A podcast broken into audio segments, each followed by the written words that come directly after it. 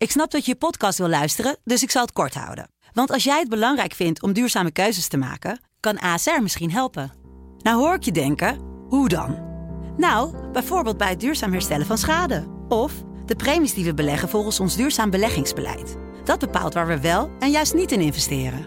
Wil je meer weten over welke duurzame keuzes ASR maakt? Ga dan naar asr.nl slash duurzame keuzes. ASR doet het. Zo, dan kan je nu lekker naar je podcast luisteren. Zo doet zij dat, de podcast van Vrouw. Mariket Hart en Sabine Leenhout zijn vrouw-vrouwen van het eerste uur. Maar hoe doen zij het eigenlijk? Nou, ik doe het af en toe heel erg slecht als het gaat om geld. Echt waar? Ja. We gaan het deze keer dus hebben over geld.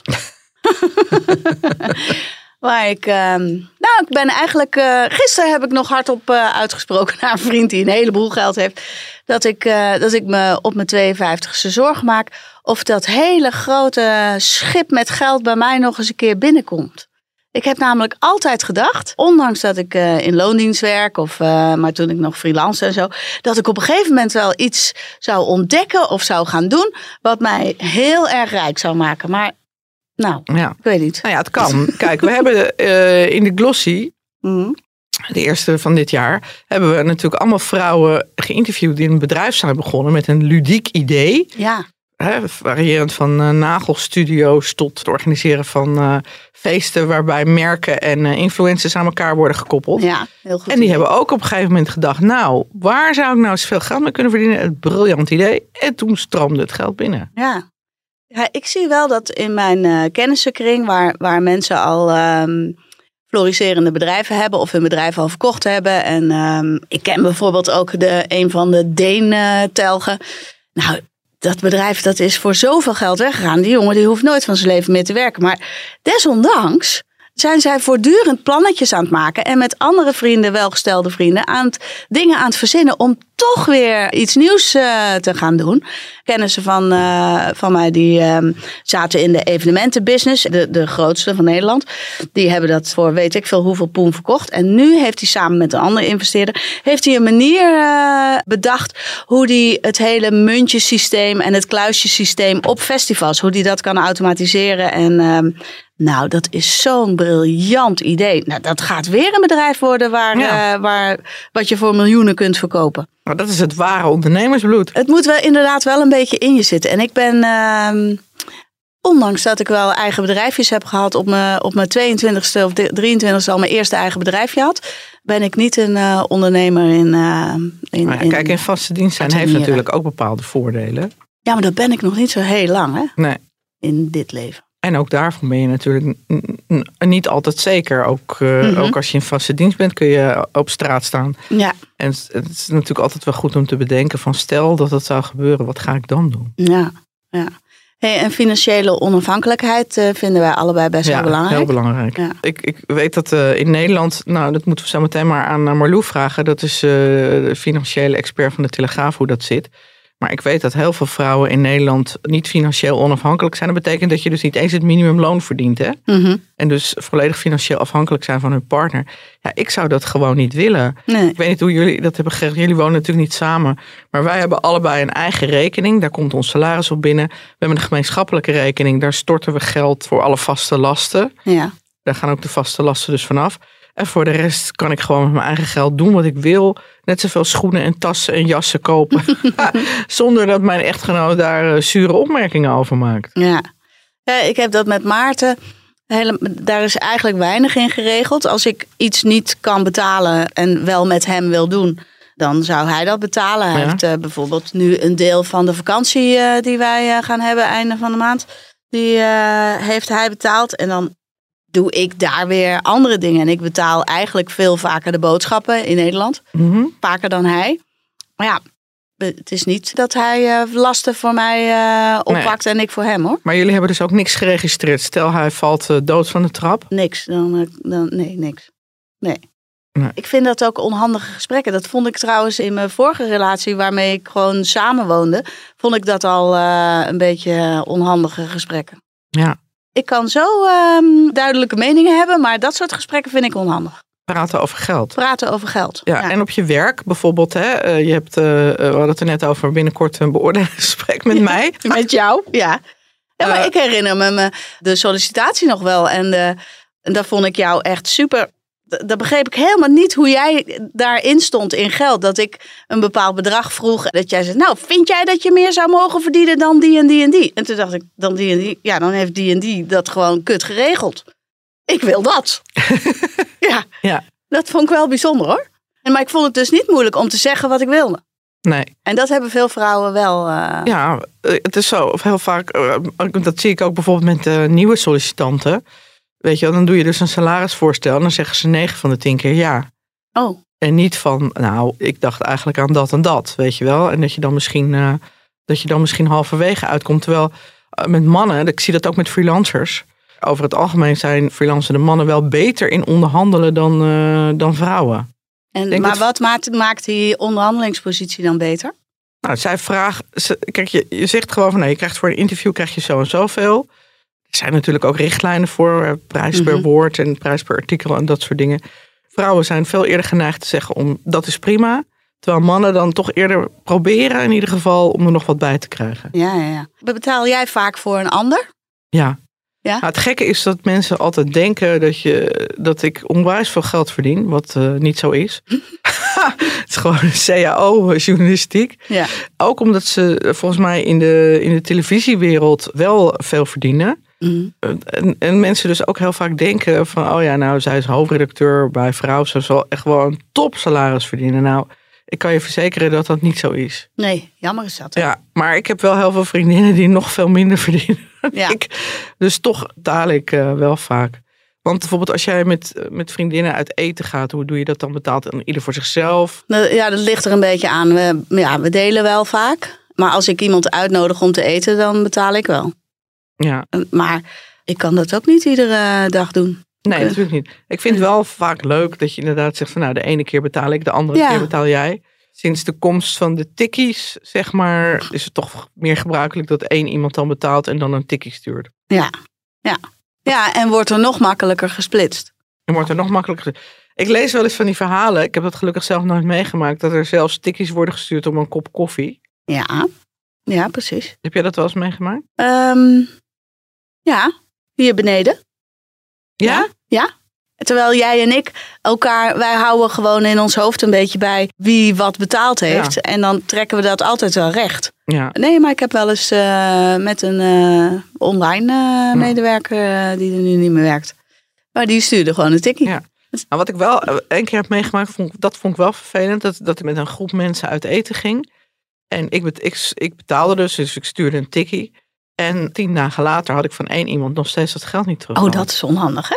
Ga je dan, denk je dan, nou laat maar. Of ga je dan alsnog zeggen, hallo, je hebt mijn tikkie nog niet. Nou, ik, ben, ik kan zo slordig doen met geld dat ik er alleen maar achter kom dat het op is, zeg maar. Als ik niet meer kan vinden. Dus dan kijk ik helemaal niet op mijn rekening. Dus dan zie ik ook niet dat die, eh, dat die 25 euro nog niet Ja. betaald is. Nou, het was wel wat meer. Maar ik heb, er, Oh. ik heb er ook niet meer om gevraagd. Ik dacht, een weet En je. nu heeft ze nooit betaald. Nee. Oh. Maar misschien is het gewoon vergeten, hè? Ja, maar dan, want dat heb ik wel eens van een incasso-medewerker gehoord. Dat je misschien denkt dat een incasso-medewerker altijd eh, ruzie krijgt aan de deur. Maar soms is het ook een opluchting eh, voor diegene als de incasso erbij betrokken is. Zodat je eh, gedwongen wordt om het te betalen of dat je het echt vergeten was. Of dat je in ieder geval iets kan veranderen aan de situatie. En dat, dat vinden mensen wel fijn. Dus misschien vindt diegene die dat tikkie nog moet betalen het wel prettig als je nog een keer een reminder stuurt. Toch? Nou, Of gaat dat gedoe opleveren? Nou, dat kan me niet schelen, maar ik, vind, ik, ja, ik ga daar gewoon niet om vragen. Dat Nee. vind ik gewoon. eh, ik vind het ook helemaal niet erg om voor iemand anders te betalen. Nee. Maar heb je wel eens eh, echt gezeik gehad over geld? Nee. Nee? Nee. Weet je wanneer ik het had? Toen ik nog duizend jaar geleden vloog. Was je met een crew van tien man en dan ging je samen eh, uit eten. Weet ik veel, kostte 100 dollar. Poppetje A die zei dan: Ja, maar ik had alleen maar sla en een glaasje cola. Oh ja. En die wilde dan eh, niet hoofdelijk omslaan, want die, eh, die, die vond dat ze dan eh, te veel betaalden. Of er werd een beetje verwacht van de captain die het meeste verdiende, dat die dan maar alles zou betalen. Oh ja. ja. dat vond ik zo wonderlijk. Ja, nou dat heb ik ook wel meegemaakt inderdaad. Maar ik, ja, jullie hebben wijn gedronken en ik alleen maar cola inderdaad. Ja, ja. Maar dat heb ik zelf ook wel eens gehad. Dan kom ik met de auto naar Amsterdam. Dan moet ik 7,50 per uur betalen. Dan gaan we bij Toscanini zitten. Dan worden er drie flessen wijn besteld waar ik één glas van kan drinken. Vervolgens eh, moet ik 45 euro voor de parkeergeld eh, aftikken. En betaal ik ook nog 45 euro voor een van die flessen wijn waar ik één glas van gedronken heb. Hmm. Zeg je daar wat van? Ja, daar heb ik toen wel wat van gezegd. Zei ik, ja, sorry hoor. Ik heb gewoon niet, niet, geen geld genoeg om zomaar 90 euro extra aan jullie eh, te betalen. Terwijl ik daar helemaal geen profijt van heb. Ja. Ja. Maar dat vind ik ook wel eerlijk. Ja, dat vind ik ook wel eerlijk, ja. Ja, gewoon- Ik zou dat andersom ook doen. ja dan moeten, zouden mensen ook wel een beetje rekening zelf mee kunnen houden. Ja, ja. Dat er iemand bij zit die met de auto komt en, eh, Ja, ja. en maar één glas drinkt. Ja, ja en als je iedere keer eh, in de binnenstad afspreekt. Weet je, misschien dat zij ook een keer naar Eiburg kunnen fietsen. Ja, Of zo? Of naar Alkmaar kunnen komen. Of- Of jij een keer op de fiets kan. Ja, precies. Dat kan ook. Het zo doet zij dat. Taboe. Als we het nou hebben over taboes. Hè, wat is nou echt taboe als het gaat om geld? Nou, in Nederland volgens mij eh, vertellen wat je verdient. Toch? Ja, hè? Ja. Ja. Ja, ik begrijp daar eigenlijk niks van. Ik zeg altijd precies wat ik verdien. Ja? Maakt mij het uit, ja. Ja, en mensen, dan kan je ook een beetje toetsen eh, hoe het ligt, hè? Ja. Want ik vind die staatjes die bij ons in de krant altijd staan, wie wat verdient, en dat lees ik altijd. Vind ik eigenlijk altijd wel Ja. leuk. Maar ik weet ook van de journalisten dat ze het heel moeilijk vindt om, eh, om mensen te vinden. Het grappige is dat ze eh, ZZP'ers, die doen graag hun verhaal. Maar dat is natuurlijk ook om een beetje reclame te kunnen maken Ja, voor hun ja. bedrijf. Ja. Maar mensen in loondienst, ze zegt, eh, die willen bijna nooit vertellen wat ze verdienen. Waar, waarom zou dat de boel erop liggen? Ja, dat is misschien ook wel typisch Nederlands. Ja, het is een beetje een ons benzunig verhaal. Mijn man vertelde gisteren een grappig verhaal. Dat, eh, hij heeft een collega, expat, die woont eh, eh, bij ons in de straat. En die was van de zomer uitgenodigd, of de, belde de buurvrouw aan van... Hallo, we geven vanavond een, een barbecue. Oh, zei die vrouw, wat leuk, what can I bring? Nou, ze zei, dat is niet helemaal de bedoeling. Kijk, ik vertel jou dat wij een barbecue geven, dat het misschien wat lawaaiig kan worden. Oh, En als, je, als jij dan de volgende keer een feestje geeft, als jij dan ook, eh, eh, dan, dan vertel je ook dat wij misschien wat geluidsoverlast eh, kunnen krijgen. Dat is goed burenschap. oké. Nou, die vrouw zei tegen Jon, ik kon wel door de grond zakken. Nou, dat is toch ook, oh wat erg. En dan- ja.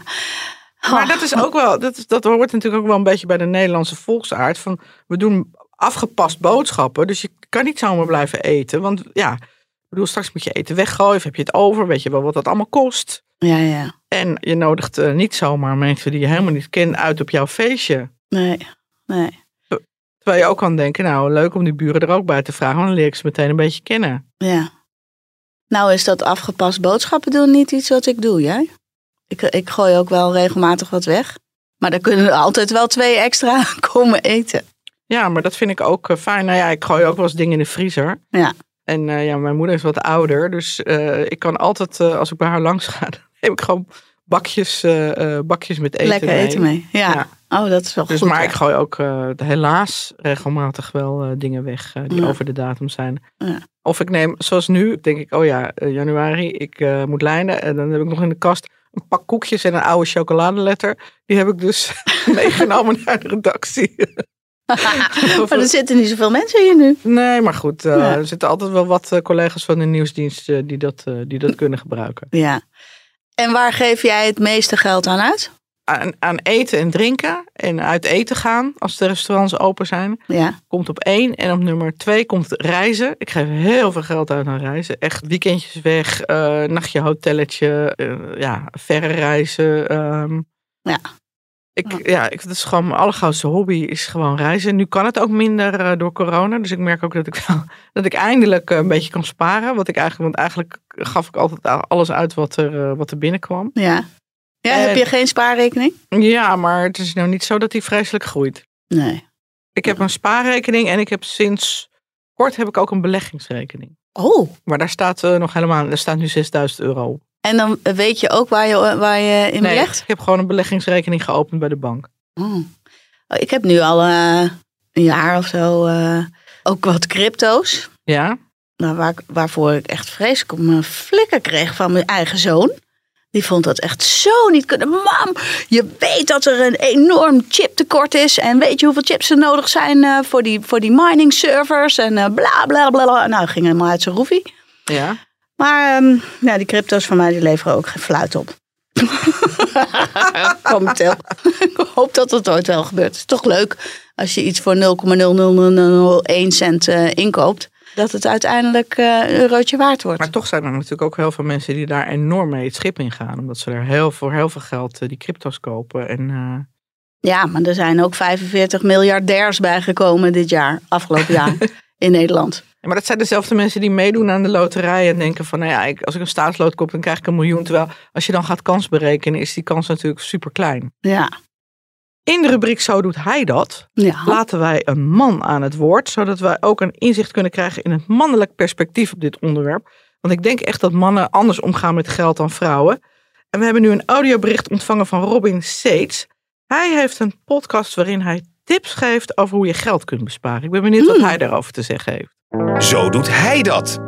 Hi Marieke en Sabine, wat leuk dat jullie mij vragen om goede bespaartips.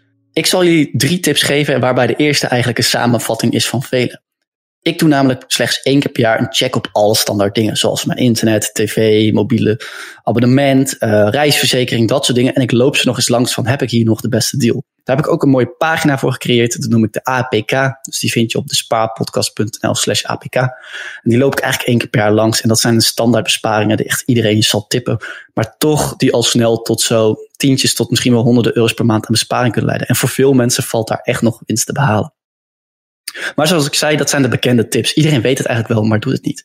Daar wil ik ook twee tips met jullie delen die veel minder bekend zijn. Of waar mensen uh, het eigenlijk enger vinden om dit te onderzoeken. Terwijl daar valt echt de winst te behalen.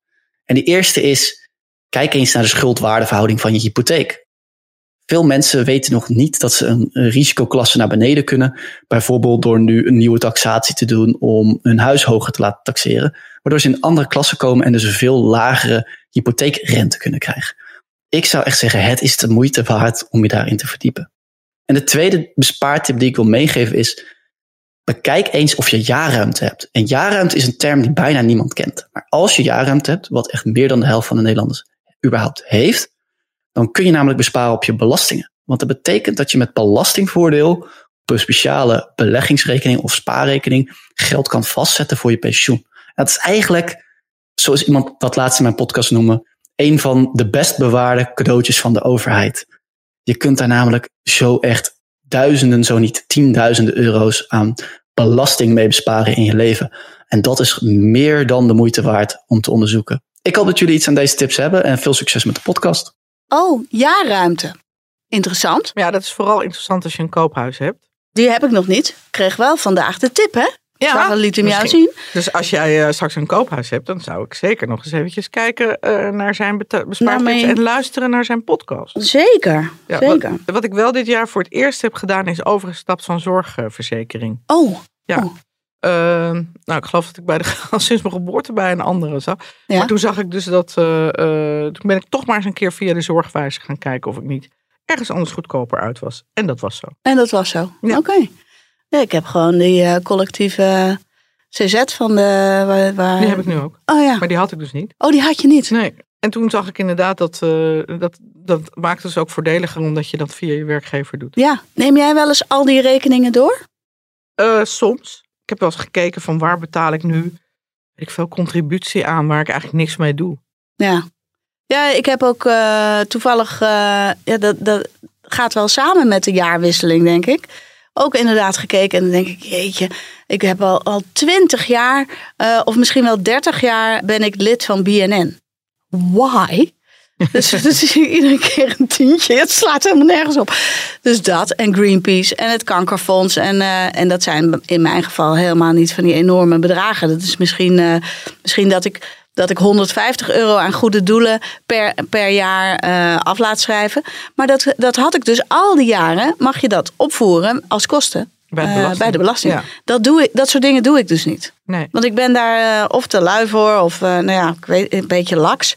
En dan denk ik, ach, die 150 euro maakt het nou toch uit? Weet je? Ik wil dat sowieso geven. Waarom zou ik daar belastingvoordeel aan genieten? Dat is ook een beetje achterliggende gedachte. Maar Het levert me dus allemaal niets op. Ik heb eigenlijk wel financiële raad nodig. Misschien moeten, moeten we Marlou er even bij halen. Deze keer uh, op een andere manier. Normaal gesproken bellen we in, maar uh, jou hebben we in huis, Marlou. Dus uh, welkom. Dankjewel. Ja, leuk dat ik ook een keer in deze podcast mag meepraten. Ja. Nou, we hebben natuurlijk een podcast, uh, Zo doet zij dat. En dat gaat met name over vrouwenzaken. Dus we willen het hebben over vrouwen en geld. En we hadden het er net al over dat veel vrouwen financieel afhankelijk zijn. Ja. Of niet on, uh, onafhankelijk. Kun je daar wat over zeggen? Ja, daar kan ik zeker wat over zeggen. Ja, um, de, de lat voor financieel uh, onafhankelijk ligt best wel heel erg laag die ligt echt uh, rond bijstandsniveau. Mhm. Er is een ontzettend groot deel van de vrouwen die dat gewoon niet haalt. Die denkt, uh, mijn vent verdient genoeg en uh, dan zal het allemaal wel goed komen. Maar in de tijd waarin bijna de helft van de stellen gaat scheiden, is dat gewoon niet helemaal het geval. Nee, niet slim ook. Niet zo slim. Hoe nee. zou jij daar zelf in staan? Uh, nou ja, ik werk gewoon fulltime. Ik heb ook geen partner verder. Maar uh, ik, ik geloof, uh, ik zie ook onder leeftijdsgenoten dat het ideaal wel vaak is dat beide partners allebei vier dagen gaan werken. Mm -hmm. Maar de praktijk is vaak dat de vrouw drie dagen gaat werken. En ja, vaak ook niet de meest ambitieuze baan meer neemt als er kinderen zijn. En dat de man gewoon fulltime blijft werken. Ja, en uh, als je bij elkaar blijft, is dat allemaal prima. Maar als uh, de liefde toch overgaat, dan, uh, dan is dat niet zo prima. Nee, ja? Nee. Nee, nee, nee. nee.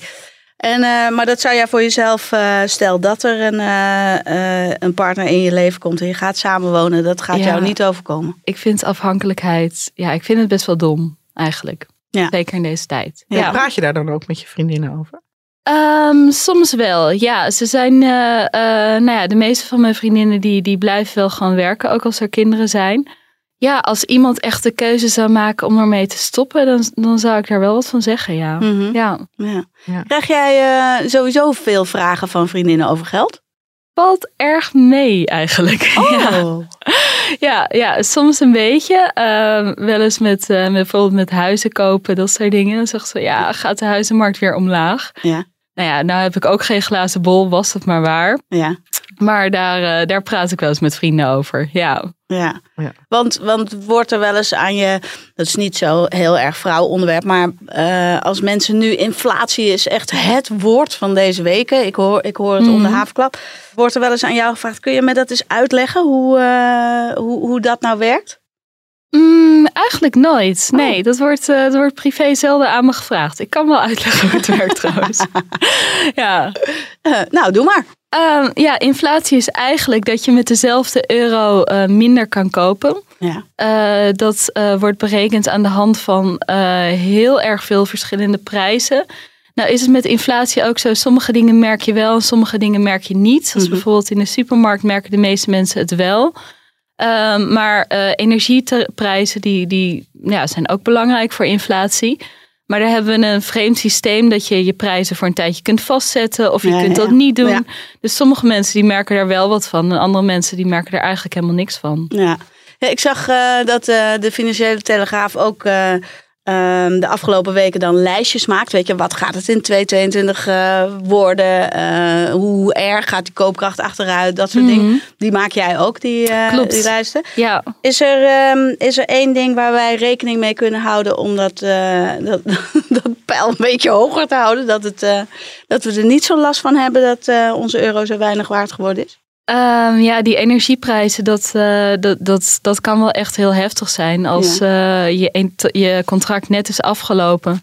Ja, ik sprak bijvoorbeeld mensen met een uitkering die van, uh, van 100 euro naar 320 euro per maand gaan. Mm. Dat kan niet met een uitkering. Dan is er gewoon geen cent meer om boodschappen van te doen. Ja, um, ja hou dat een beetje in de gaten en probeer uh, energie te besparen waar mogelijk. Mm -hmm. Als je daarmee te maken krijgt, want anders dan hakt dat er gewoon wel echt uh, heel stevig in. Ja. En als je nou aan meer euro's wil komen, dan is natuurlijk meer werken een oplossing. Meer werk is een oplossing. Meer salaris vragen is ook een ja, oplossing. Precies. En daar zijn vrouwen meestal niet zo goed ja, in. Hoe doe je dat? Goed onderhandelen. Ja, precies. Nou, weet je wat het stomme is? Wat, je ook heel, wat ik ook heel vaak hoor als ik werkgevers spreek. Mannen vragen er gewoon om. En het is voor werkgevers is het echt ontzettend vervelend als jij weggaat. Dus ze moeten jou vervangen. Ze moeten een dure vacature plaatsen en dan gesprekken hebben. Ja, mannen die vragen er gewoon om als ze denken: ik heb het goed gedaan. Ik wil gewoon loonsverhoging. En vrouwen die denken altijd: oh jee, en kan het er wel af? En, en is dat dan niet heel vervelend van mijn baas? En moet ik dan niet eerst het nog beter doen voordat ik daarom durf te vragen? Ja, en dat is vaak de reden waar mannen meer verdienen voor hetzelfde geld dan vrouwen. Mhm. Dus um, ja, je moet er gewoon om vragen. Uh, nou helpt het bij zo'n verzoek wel hoe beter je ingelezen bent. Zo met hoe meer informatie je uh, ja, uh, bij de onderhandelingen aankomt. dus dat je weet hoeveel mensen in jouw functie met jouw werkervaring ongeveer verdienen. des te groter, ja, des te beter kun je gewoon objectief onderbouwen dat jij die loonsverhoging verdient. Um, ja, en als je het niet vraagt, dan ga je het niet krijgen ook. Dat Nee. is ook En als een je, nou, beetje. als je nou nee zegt, als je baas dan nee zegt. Ja, dat gaat, dat gaat hij of zij waarschijnlijk in eerste instantie wel doen. Dat trekken vrouwen zich vaak ontzettend persoonlijk aan. Ehm, Huilen ja, op de wc. Ja, verschrikkelijk is het. Ik kan het zelf ook niet. Ik schrijf er stukken over en dan zeg ik tegen mijn baas, die zegt, nou nee, ja, nee, je hebt vorig jaar al een zeer goed gekregen, dus dit jaar kun je dat gewoon niet krijgen.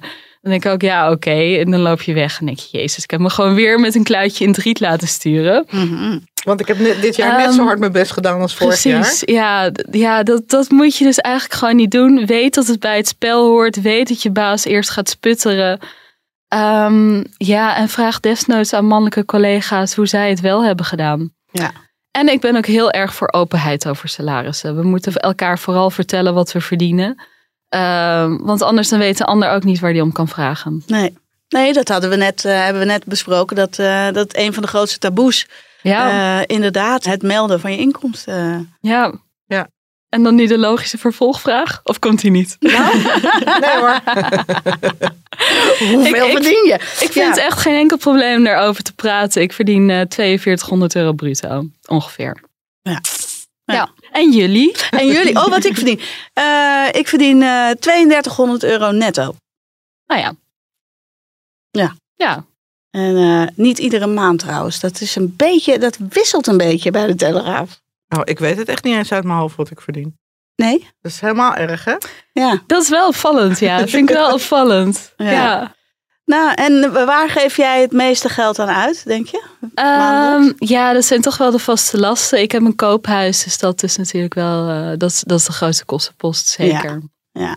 Ja. Ja, dat is bij mij. je bent een huurhuis. eh, daarom was ik blij dat jij kwam. ik zei, nou, misschien heb ik de hulp van Malou wel een beetje nodig. Want ik ben echt zo'n eikel met geld. Vaak heb ik genoeg. Soms niet. ja. En dat zit er meer in de vaste lasten. en dan nu ook nog een huurhuis. Maar misschien dat daar eh, dit jaar, eh, deze maand zelfs, verandering in komt. En koop ik een huis. Dus dat is... Oh, wat spannend. Ja. Ja. hey, ehm, ik wil je bedanken. Ja, ja, voor leuk je expertise Ja, en je tijd. leuk gedaan. Nou, tot een volgende keer. Tot de eh, volgende misschien. Yes. Ik hoop dat heel veel vrouwen toch beter durven te onderhandelen over hun salaris. Ja. Want eh, het is, het is inderdaad moeilijk. En zeker als je weet dat je baas moeilijk gaat kijken en sputteren en nee zegt. En eh, dat je denkt, shit, weet je wel, inderdaad kan het er wel af. Of straks vindt hij me minder aardig. Oh, dat. Ja, ja dat ook nog. En wat Malou ook zei, ehm, dat vrouwen dan vaak denken... oh, maar had ik dan misschien nog iets harder moeten werken? Verdien ik het wel? Ja. En dat is zo'n bijzondere instelling. Ja, Ja. natuurlijk, je, je Ja. verdient het wel. Je krijgt En het is zeker een goede tip om eh, eh, te vragen aan je mannelijke collega's die hetzelfde werk doen. Ja. Om te vragen wat zij binnen hetzelfde bedrijf wat zij verdienen. Ja. Dat heb ik ook een keer gedaan en dat heeft me een, een- een enorm. eh, toen kregen we nieuwe salarisschalen. Toen heb ik dat ook gedaan met een mannelijke collega. Mhm, En die bleek dus inderdaad in een hogere salarisschaal te zitten dan ik. mhm. ja. Maar het is ook, ik zei dan weliswaar netto wat ik verdiende. Maar je kunt met, eh, met zo'n 4200 bruto, dan heb je ook weer andere aftrekposten. Ik heeft een koophuis en eh, misschien eh, houdt zij ook wel eh, om en nabij de drie eh, over, hè? Ja. Ja. Ja. Oké, hey, en eh, heb je nog wat op te biechten? Opgebiecht. Nou, ik denk dat ik een van de best betaalde studenten was in eh, mijn tijd. Zonder dat ik op mijn rug hoefde te liggen, maar wel hetzelfde soort eh, eh, inkomen had. Dat heb ik wel eerder verteld, dat ik toen een tijd met wat vriendinnen bij de sekslijnen werkte. En moesten wij vieze verhaaltjes vertellen. En daar verdiende ik ongeveer, het is een gulden tijdperk, maar 45 gulden per minuut mee. En sprak je verhaaltjes in? Ja, ja. Of ja, het was een beetje geen live gesprekken met mannen? Nee, dat, nee, dat hoefde ik niet te doen. Oh, gelukkig. Dat, dat hebben ze wel gedaan, dat mannen inbelden en dat je dan een beetje moest hijgen en zo. Maar ik had toen al een uh, interviewfunctie uh, en uh, we speelden toen het uitzendbureau. En dan had ik een student in Frans of andere studenten tegenover me. En die, en die speelden dan of stewardess of kamermeisje of verpleegster. Dat soort suggestieve beroepen. Tijdens die werkzaamheden kwamen ze altijd in spannende situaties terecht. En daar gingen ze over vertellen. En dan vroeg ik helemaal het naadje van de kous helemaal tot aan uh, hoe lekker het voor ze was. En dat beschreven ze dan uitvoerig. Ooit uh, spijt van gehad? Nee, nee, nooit spijt van gehad. Het was super grappig. Ja, het was sowieso een bijzonder bedrijf. En uh, ik vond ook de hele, het hele bedrijf en hoe, hoe dat zich ontwikkelde, dat vond ik allemaal interessant. En toen dat later een, ook een zakelijke spin-off kreeg waar ik voor ging werken, ja, dat vond ik echt superleuk. Toen ging ik wel hele andere bedragen verdienen hoor. Vond ik echt wel interessant. En ik heb toen wel discussies gehad met mijn ouders ook wel, die, die dat wel heftig vonden dat ik dat deed. En dat er ook wel gezegd werd, nou de volgende stap, dan lig je op je rug.